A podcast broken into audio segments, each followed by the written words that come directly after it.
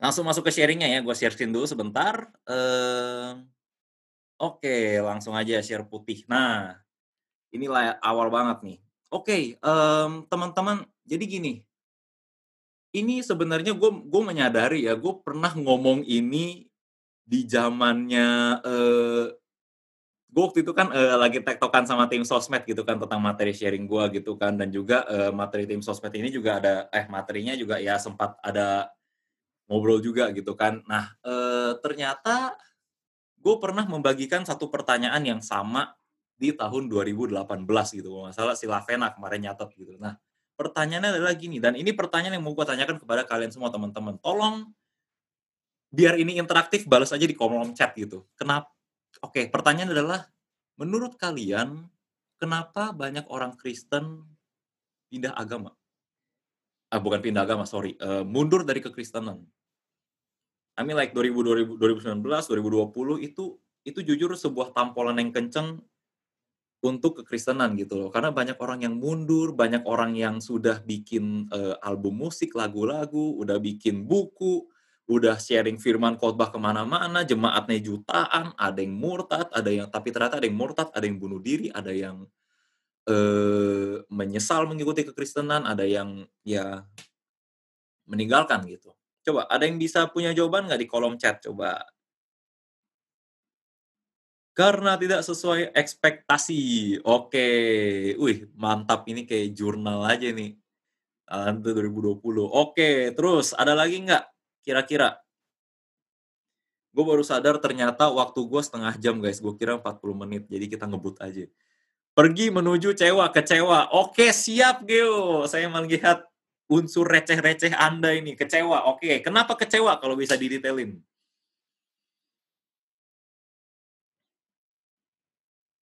Krik, krik, krik, krik. Oke, dalam waktu 3, 2, 1. Jeder, merasa tidak dipelihara oleh Tuhan. Nah, nggak sesuai yang diharapkan. Nah, oke.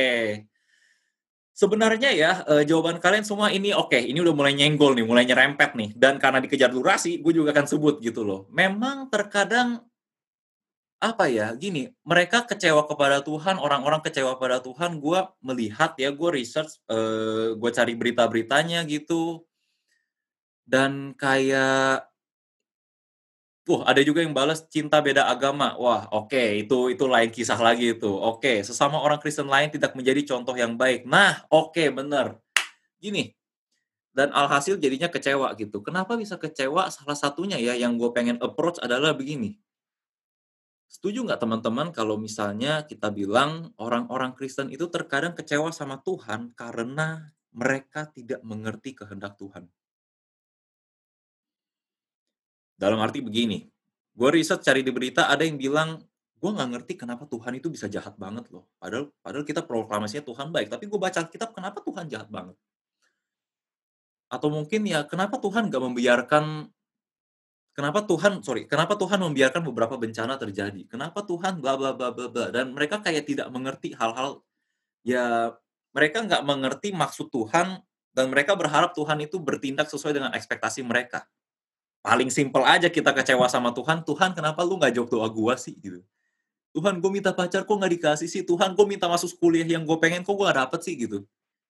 Kenapa semuanya begitu dan kadang nggak nggak nggak men nggak menutup kemungkinan kita kecewa dan kita meninggalkan Tuhan dengan alasan-alasan yang bermacam-macam seperti itu. Anyway, karena itu yang akan kita bahas, makanya penting banget guys untuk gua bawain topik ini yaitu judulnya Open Our Eyes.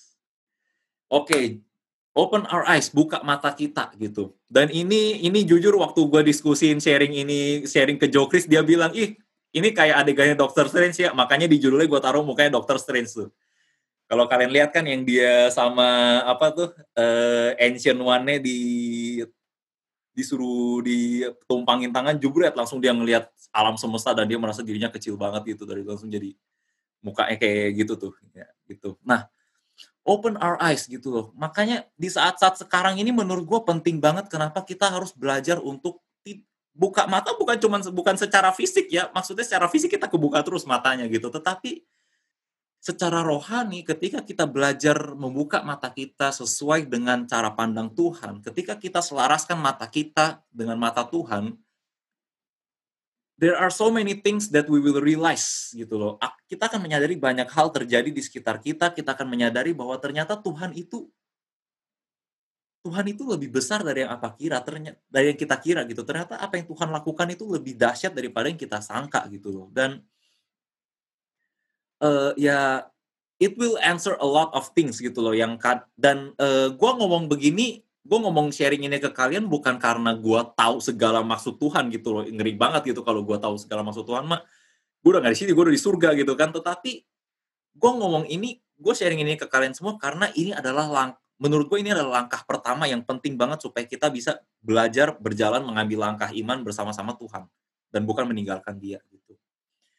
Anyway, gue akan share tiga poin ya, dan tiga poin itu dari tiga cerita gitu. So, please bear with me, karena cerita ini akan banyak mikir banget. Oke, silahkan uh, eh, gue akan buka dengan gini. Oke, cerita pertama. Gue kasih clue kepada kalian semua, supaya kalian bisa jawab lewat kolom chat. Oke, cerita pertama. Bisa ketebak nggak ini cerita siapa? Di perjanjian lama, gue kasih tiga petunjuk. Ada malaikat, ada orang, ada keledai Yudas Iskariot. Oke, uh, perjanjian lama. Perjanjian lama, guys. Nah, perjanjian lama. Ada malaikat bawa pedang, ada keledai, ada orang yang menaiki keledainya. Tolong yang sudah di spoiler jangan, tolong yang udah tim sosmed jangan. Orang Samaria bukan, bukan. Coba, gue kasih tiga kali tebakan. B. Oh, tim. Oh, Elizabeth PG. Oh iya, Anda tim sosmed. Oke. Silakan, ada yang bisa tebak? Yosa Wianto, siap, Rainer. Gua remove Anda ya. enggak, enggak, enggak, enggak, bercanda, bercanda. Oke, ada yang bisa tebak, Rea? Oh, Rainer Cristiano dibalikin loh sama PG. Sumpah, Re, gua enggak, gua enggak chat si PG loh. Bukan Ayub kan? Bukan. Nanyanya yang bukan nih. Oke, ya udah karena teman-teman nggak ada yang bisa nebak nggak apa-apa. Ini ceritanya memang jarang terjadi gitu. Eh jarang terjadi jarang dibahas. Tapi gue akan ngomong begini. Um, kisah ini adalah kisah tentang seorang yang namanya Bileam. Ada di bilangan 22 sampai 23 gitu. Ya tim sosmed senyum-senyum aja nggak apa-apa gitu. Udah baca duluan gitu kan. Oke kenapa gue ambil poin Bileam ini? Ini menarik. Kalian dengerin kisah Bileam ya nih siapa itu Bileam Oke, okay. Bileam itu dia di perjanjian lama ya. Kalian harus tahu Bileam itu dia bukan bagian dari bangsa Israel dan um, di perjanjian lama itu jarang banget kita melihat Tuhan ngomong kepada orang yang bukan bangsa Israel. Akan tetapi untuk Bileam uh, for some reason yang gue masih research research juga gitu ya. Bileam yang dipastikan adalah dia punya satu kekuatan supernatural tanda kutip ya seperti nabi sehingga dia bisa berkomunikasi dengan ya mirip mungkin mirip kayak dukun gitu ya, tetapi dia juga salah satunya bisa berkomunikasi dengan Tuhan gitu. Bahkan di salah satu ayat di bilangan 22 23 gitu ya yang gua nggak tampilkan karena baca satu dua pasal itu keterlaluan panjangnya gitu kan. Biliam itu uh, ya Biliam juga menyembah Tuhan gitu loh. Akan tetapi karena Biliam itu uh, Biliam itu ya dia respect sama Tuhan gitu. Dia punya dia bilang dia respect sama Tuhan. Dan karena Bileam punya kemampuan ini, Raja Moab waktu itu yang namanya Balak, dia minta Bileam untuk mengutuk bangsa Israel. Kenapa dia minta bangsa Israel dikutukin? Karena alasannya begini. Bangsa Israel itu waktu itu baru kabur dari Mesir, bukan kabur ya, baru keluar dari Mesir dan mereka lagi booming banget gitu loh. Karena dari keluar dari Mesir gitu, mereka mulai bantai-bantai kerajaan-kerajaan eh, yang menentang bangsa Israel gitu. Dan Tuhan, karena Tuhan menyertai bangsa Israel, ya bangsa Israel menang terus gitu loh. Ya ya win streak-nya banyak banget gitu loh. Menang menang menang menang terus gitu. Dan Balak ini takut. Karena Balak takut dia utus si Bileam. Nah, tetapi Bileam ini orangnya cukup serakah gitu ya. Nah, ini yang perlu kalian perhatiin. Dia orangnya serakah, dia orangnya tamak gitu. Kenapa gue bisa bilang begini? Karena eh, setelah gue research lagi backstory-nya tentang Bileam, ternyata begini Bileam pernah sekali dipanggil gitu ya oleh uh, suruhan-suruhannya si Balak itu tolong dong datang kutuk bangsa Israel gitu. Dan ketika malam dan malam itu juga Bileam didatengin Tuhan gitu ya dalam mimpi. Tuhan bilang, "Jangan datengin bangsa Israel, jangan ganggu-gugat, karena bangsa Israel itu adalah bangsa yang gue berkatin, yang Tuhan berkatin." Dan Bileam, eee, pagi-paginya dia cuma ngasih tahu gitu pesuruh-pesuruhnya Balak, dia bilang, "Oke, aku nggak bisa datang sama kalian," gitu. "Ups, siapa ini kecoret?" gitu. "Up, aku nggak bisa datang sama kalian," gitu. Dan dia cuman bilang, mmm, "Oh, ya udah, oke." Eee ya udah datang pergi gitu. Tetapi ternyata ya, setelah di-research-research lagi gitu, ternyata ada beberapa backstory yang bilang Bileam itu ngomong ke ngomong ke Balak itu, ngomong ke pesuruhnya Balak itu sebenarnya maksudnya begini, "Gua nggak mau datang, gua nggak bisa datang sama kalian karena kalian itu pangkatnya rendah banget." Dan kalau misalnya Balak itu se serius sama keinginan dia untuk mengutuk bangsa Israel, dia kekeh dengan ke kehendaknya dia, harusnya Balak kirim orang-orang yang lebih mulia dan kasih harta yang lebih kaya gitu. Kurang lebih seperti itu gitu. Jadi kedua batch kedua orang datang gitu, Balak dengar itu, batch kedua datang, orang-orang yang lebih tinggi datang, petinggi-petingginya Balak datang gitu, minta gitu sama Bileam, "Oh, datang dong," gitu. Dan Bileam, nah ini juga kelihatan nih, Bileam itu mau coba kompromi sama Tuhan. Kenapa gue bisa bilang begini? Karena begini, di pertemuan pertama Tuhan udah jelas bilang, "Bileam, lu jangan kutuk bangsa Israel karena gue berkatin dia." Tetapi ketika kedua kalinya bangsa Israel da bangsa Israel kedua ketika dua kalinya orangnya Balak datang minta ke Bileam, "Kutukin dong." Bileam ngomong lagi, "Oke, tunggu ya, gue minta keputusan Tuhan," tanda kutip gitu. Dalam arti Bileam sebenarnya pengen mencoba untuk memanipulasi Tuhan gitu. Siapa tahu gua minta kedua kali, Tuhan bisa kabulin permintaan gua gitu. Nah, dan surprisingly malamnya itu Tuhan datang lewat mimpi, Tuhan bilang, "Oke, datengin aja bangsa Israel kalau begitu, ikutin Balak, ya udah ikutin orang-orangnya Balak," gitu. Tapi apakah itu berarti Tuhan membiarkan bangsa Israel dikutukin? Nah, kita lihat selanjutnya. AADB, ada apa dengan Bileam gitu kan. Bileam ini dia waktu lagi perjalanan sama ke Balak gitu ya. Eee, nih nih dia bayangin ya, dia lagi jalan sama petinggi-petingginya Balak gitu ya. Dia tiba-tiba dihadang oleh malaikat Tuhan ketika sedang OTW gitu. Tapi yang uniknya adalah hanya keledainya yang bisa melihat malaikatnya itu dan keledainya karena keledainya takut, dia belok arah gitu. Sampai ke padang-padang. Nah, Bileam kesel karena dia nggak lihat malaikatnya. Tapi dia ngeliat keledainya ini kenapa tiba-tiba miring gitu, salah jalan banget, dia marah, dia gebukin keledainya sekali gitu. Terus juga kedua kali digebukin juga, keledainya yang ngelihat malaikatnya geser-geser terus kan gitu kan, sampai satu ketika dia ke posisi sempit dan terpojok gitu. Dan karena karena ini udah di depan muka gitu malaikatnya ya, keledainya udah takut banget, dia cuma bisa duduk gitu. Karena cuma duduk, digebukin lagi sama Bileam sampai ke kali ketiga gitu. Dan ketika tuh ketika Bileam gebuk si malaikat eh, si malaikat lagi si keledai itu Tuhan membuka mulutnya keledainya Bileam untuk ngomong ke Bileam. Kalau kalian lihat kisahnya itu kocak banget sih, menurut gue sih kocak banget sih kayak karena gini loh, eh, apalagi kalau misalnya ngebayangin cuman Bileam yang bisa dengar keledainya itu tiba-tiba gitu. Itu itu uh, ya coba dipikirkan baik-baik gitu ya. Dia Bileam berdebat dengan keledainya di depan petinggi-petingginya Balak. Gitu. At point kalau misalnya orang-orangnya Balak nggak ngerti bahasanya Bileam sama keledainya itu. Segitu dipermalukannya Bileam gitu. Dan ya ya gue yakin pasti impresinya juga jelek banget itu kayak ini orang gue utus untuk ngutukin bangsa Israel katanya skillnya keren banget Kenapa dia gua ngelihat dia sekarang ngobrol sama keledai coba? Dan ya segitunya Tuhan mempermalukan Bileam gitu, karena Bileam mencoba kompromi gitu. Tapi kenapa Tuhan tiba-tiba ini ini pertanyaan agak agak melenceng ya. Kenapa sih Tuhan tiba-tiba memutuskan untuk mau membunuh Bileam gitu dengan mengutus malaikat itu? Bukan karena Tuhan itu nggak konsisten ya, tapi gue yakin karena Tuhan itu mau menunjukkan kepada Bileam, Bileam, gue itu serius banget dengan bangsa Israel. Kalau lu mau coba kalau lu masih mau ngotot kalau lu masih mau ngotot ngutukin bangsa Israel, ya ini hukumannya mati.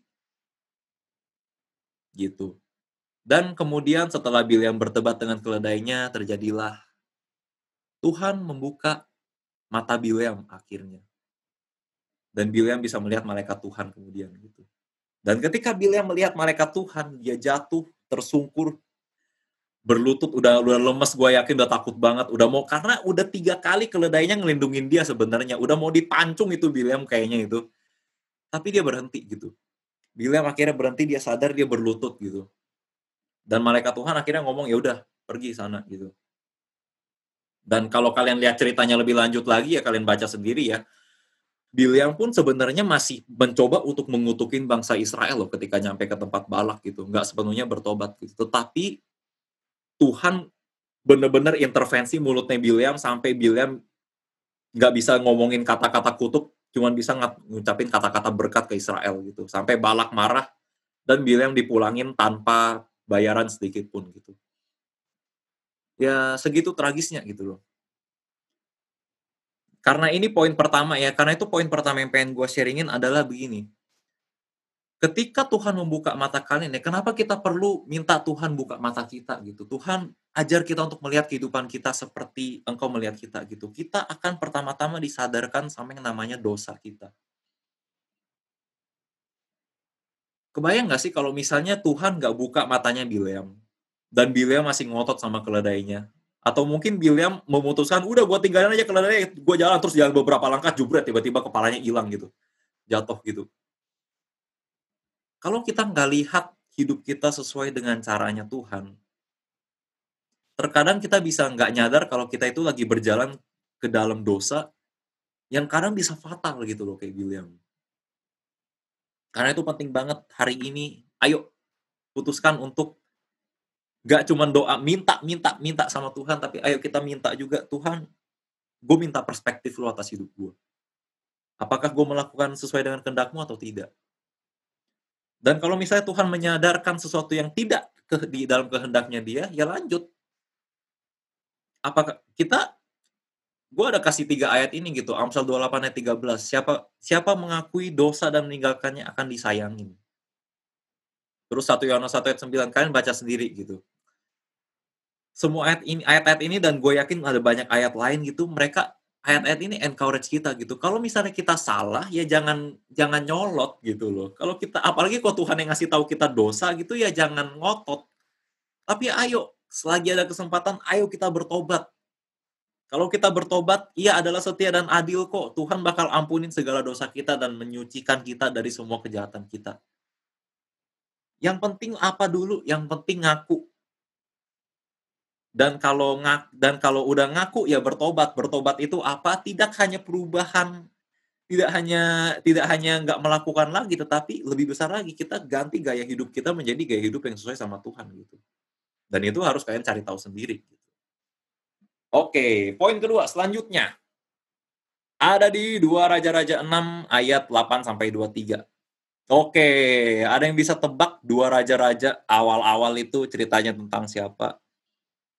Coba di chat. Selain tim sosmed.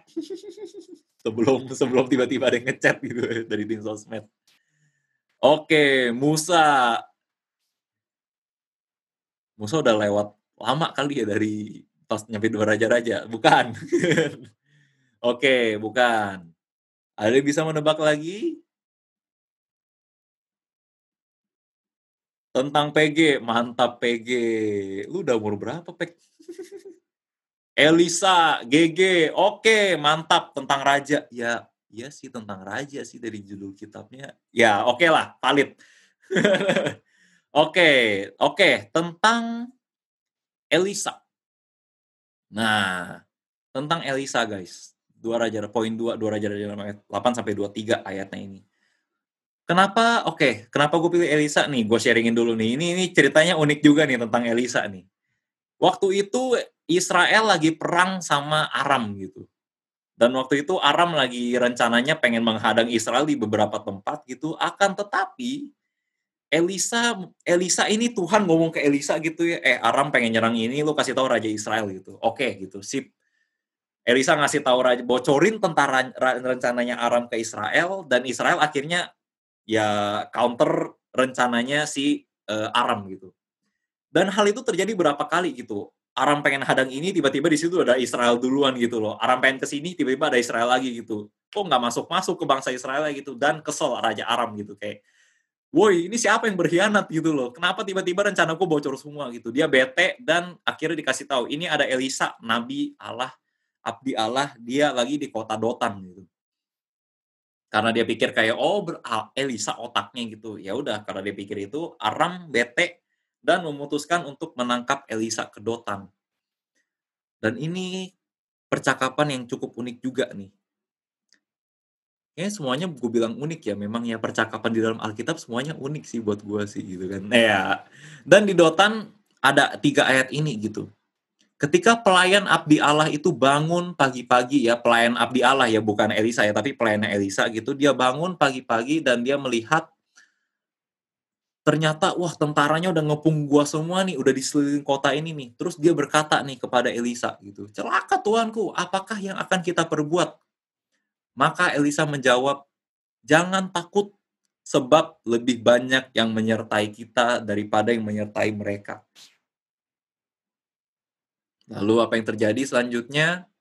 Ayat selanjutnya terjadi. Lalu berdoalah Elisa, "Ya Tuhan, bukalah kiranya matanya supaya ia melihat." Maka Tuhan membuka mata bujang itu sehingga ia melihat, tampaklah gunung itu penuh dengan kuda dan kereta berapi di sekeliling Elisa.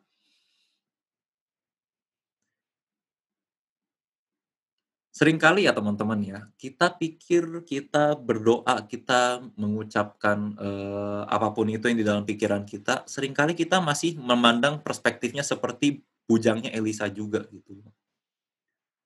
"Waduh Tuhan, hidup gua terkepung banget. Waduh Tuhan, keluarga gua begini banget. Waduh Tuhan, gue ditekan di mana-mana. Waduh Tuhan, gue Kristen dan sekolah gua bener-bener nggak nerima gua," or something like that gitu. Struggle kalian masing-masing gitu, kalian ditekan gitu. Tetapi guys, dari cerita ini ayo kita belajar gitu loh. Terkadang kita merasa diri kita terkepung karena kita nggak melihat apa yang Tuhan lihat gitu. Ini ini ini gue yakin ini gue yakin salah satu salah sa ini gue yakin banget ini inspirasi lagunya This Is How I Fight My Battle gitu kayak, "It may look like I'm surrounded, but I'm surrounded by you." Kayak ya it's what happening here juga gitu loh, it's what happening here, it's what happening back there in Elisa punya waktu, and it's happening right now juga di kehidupan kita gitu. Sadar nggak sih kalau kalian masih ada di sini ketika di dunia luar sana ada Covid segala macam, orang-orang semuanya ketularan, itu bagian dari perlindungan Tuhan juga gitu loh. Dan itulah yang kita pelajarin juga.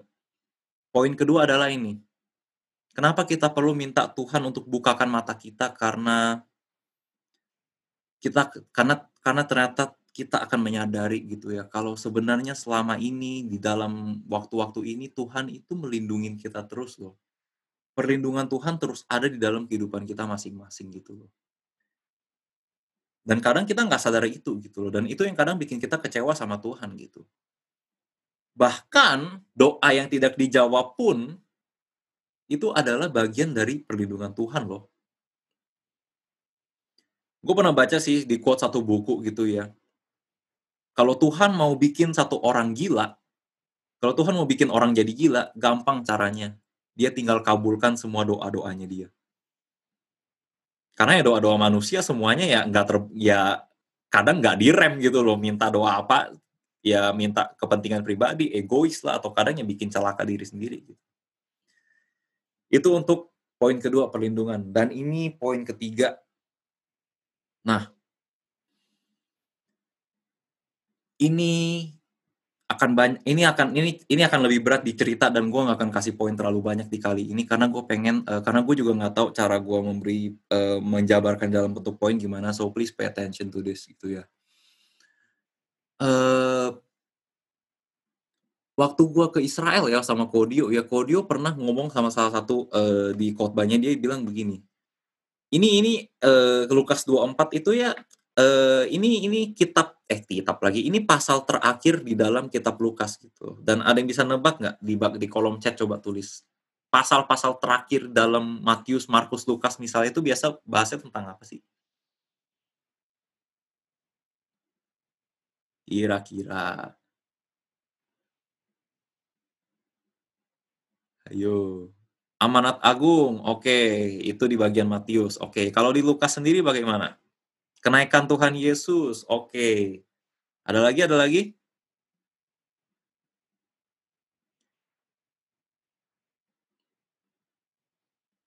3, 2, 1, duar. Oke, memang formatnya masih khotbah, nggak apa-apa, belum terlalu interaktif tapi nggak apa-apa. Oke. Seperti kata Flo dan seperti kata Adit ya, memang pasal-pasal terakhir dalam suatu kitab Matius, Markus, Lukas, Yohanes itu biasanya ngomongin amanat agung, kenaikan Tuhan Yesus, atau misalnya masa-masa terakhirnya Tuhan Yesus di planet bumi ini. Gitu ya. Nah, eee, akan tetapi begini, mmm, kenapa diambil Emmaus Walk ini karena begini, gue kasih kepad gue kasih satu eee, ilustrasi begini. Kalian bayangin ya, eee, ini ceritanya tentang 2 orang pengikut Yesus nih, pengikut Yesus yang sedang di dalam perjalanan menuju Emmaus. Dan mereka sedang mengobrol tentang kematian Yesus. Nah, ini lucunya nih. Yesus baru bangkit, dia datang ikut nimbrung berjalan-jalan sama mereka gitu loh.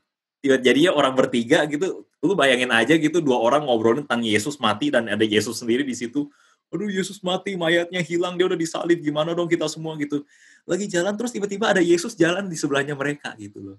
Cek cek cek cek cek cek cek jalan gitu. Dan Yesus nanyain mereka gitu loh, "Eh, kenapa? Kalian dari tadi ngobrolin apa sih?" Gitu loh. Lalu kalau di ayat itu bilang, sedih mereka, tiba-tiba ditanya itu mereka sedih dan mereka bilang gitu, "Hah, masa lu nggak tahu sih apa yang terjadi? Itu loh, ada Yesus, Yesus baru mati, dia dia gua gua kita ini pengikut Yesus gitu loh, dia itu nabi yang hebat, dia nabi yang dia berkuasa banget gitu loh, tapi dia dibunuh dia dibunuh, dia disalib dan dia mati gitu loh. Tapi sekarang kita baru dengar berita lagi, dia mayatnya dicuri, mayatnya hilang gitu loh. Aduh, sedih banget kita. Kita nggak bisa ketemu Yesus lagi dong, nggak tahu mayatnya gimana dong. Dan mmm, coba kalian pikirkan baik-baik ya. Kira-kira respon Yesus kayak gimana sih kalau misalnya dia dengar seperti itu? Ini jujur waktu gua ini ini jujur banget nih, personal banget sih, tapi waktu gua ngetik poin bagian ini, gua lumayan nangis gitu loh.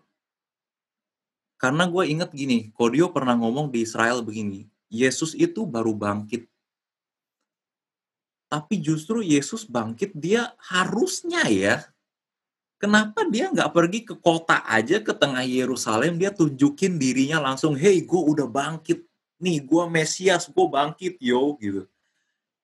Dan kalau misalnya Tuhan Yesus lakukan itu, pasti dia langsung jadi terkenal banget, nggak ada orang Yahudi yang sampai sekarang mengkhianati dia dan menolak keberadaan dia, dan dia udah famous dan dia terkenal sampai sekarang gitu.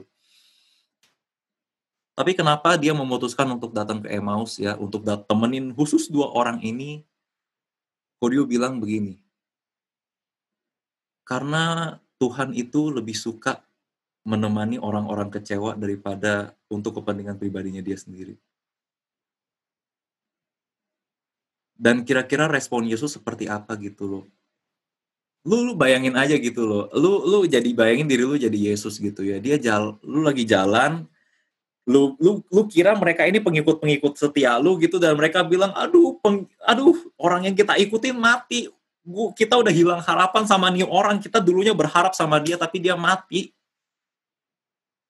Terus gimana dong? Kita mau ngapain sekarang? Gue bingung gitu loh. Dan Yesus cuman bilang gitu, "Hei" "teman-teman" "ini harus terjadi," gitu. Dia cuman ngomong, "Ini harus terjadi," ya da itu gambaran besar dan dia ceritain lagi dari kitab awal-awal sampai dari kitab Musa, sampai kitab nabi-nabi yang point out kepada peristiwa kematiannya dia gitu loh.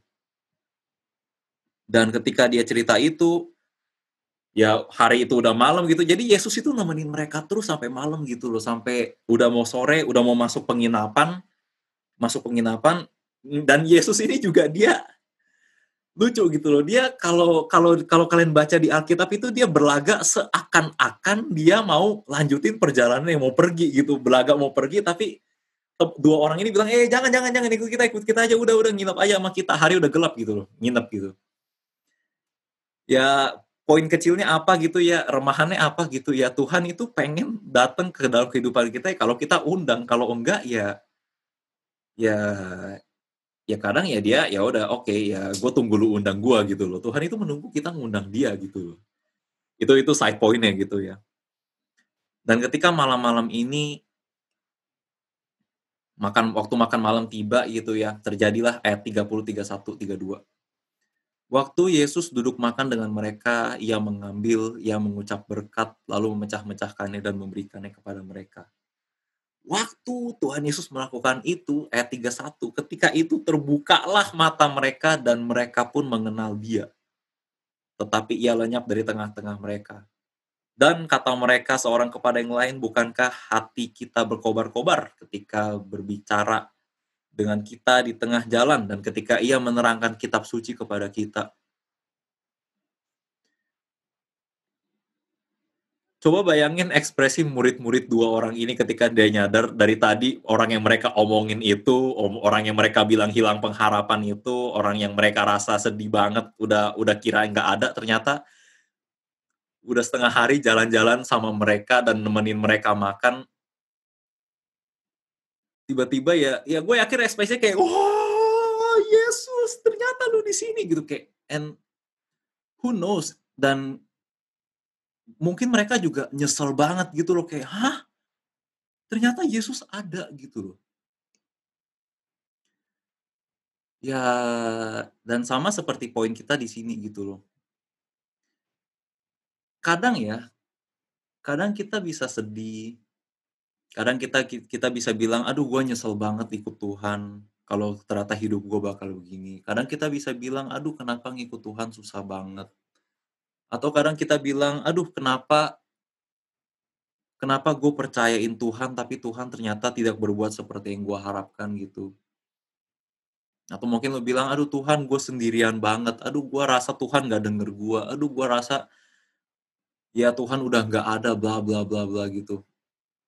Tapi ternyata dari per dari poin seperti ini ya, dari poin terakhir ini, dari cerita terakhir ini kita belajar ternyata kita nggak tahu Tuhan ada pun dia sebenarnya ada loh. Ternyata setiap doa-doa kita yang kita ucapkan itu, setiap kata-kata, setiap keluhan kita, setiap kata putus pengharapan kita itu ternyata Tuhan tetap ada loh. Dan gak cuman ada, dia berjalan sama kita, dia dengerin kita. Dan dia ngingetin kita gitu kayak, "Hey, ayo, ini kan udah ya hidup ini adalah bagian dari janji gua kok, lu masih di dalam janji gua kok, ayo terus maju guys, ayo maju," gitu. Dan itu yang Tuhan lakukan seperti yang di Emmaus dan seperti di kehidupan kita juga gitu. Nah itu poin ketiga adalah Ketika kita meminta untuk Tuhan bukain mata kita, kita akan melihat kesetiaan Tuhan ternyata benar-benar nyata di dalam hidup kita. Ternyata ketika kita nggak setia, ketika kita merasa kita, ketika kita memutuskan untuk berkhianat, ketika kita memutuskan untuk menolak Tuhan di dalam hidup kita, Tuhan masih setia. Kalau pengen lebih tampol lagi sih ya gue bawa ya bawanya ke cerita Petrus gitu loh. Udah menyangkal Yesus tiga kali tapi malah Yesusnya datang Yesusnya yang datangin dia duluan gitu. Eh, Petrus, lu ngasihin gua gak sih gitu. Tiga kali sampai Petrus nangis kalau kalian kalau lu baca ceritanya gitu. Tapi Petrus Petrus menang gitu loh. Dan Petrus setia akhirnya dan dia malah jadi martir juga gitu kan disalib juga kayak Tuhan Yesus tapi terbalik gitu dan itulah kekuatan dari ketika dia menyadari kesetiaan Tuhan dalam hidup dia itu bener-bener ngaco banget nggak ngerti banget gitu itu poin ketiga so let's wrap up ketika Tuhan membuka mata kita kita akan belajar melihat tiga hal dari sharing gue ya, gue yakin pasti ada peristiwa lain Tuhan akan membukakan hal-hal yang lebih luas lagi gitu.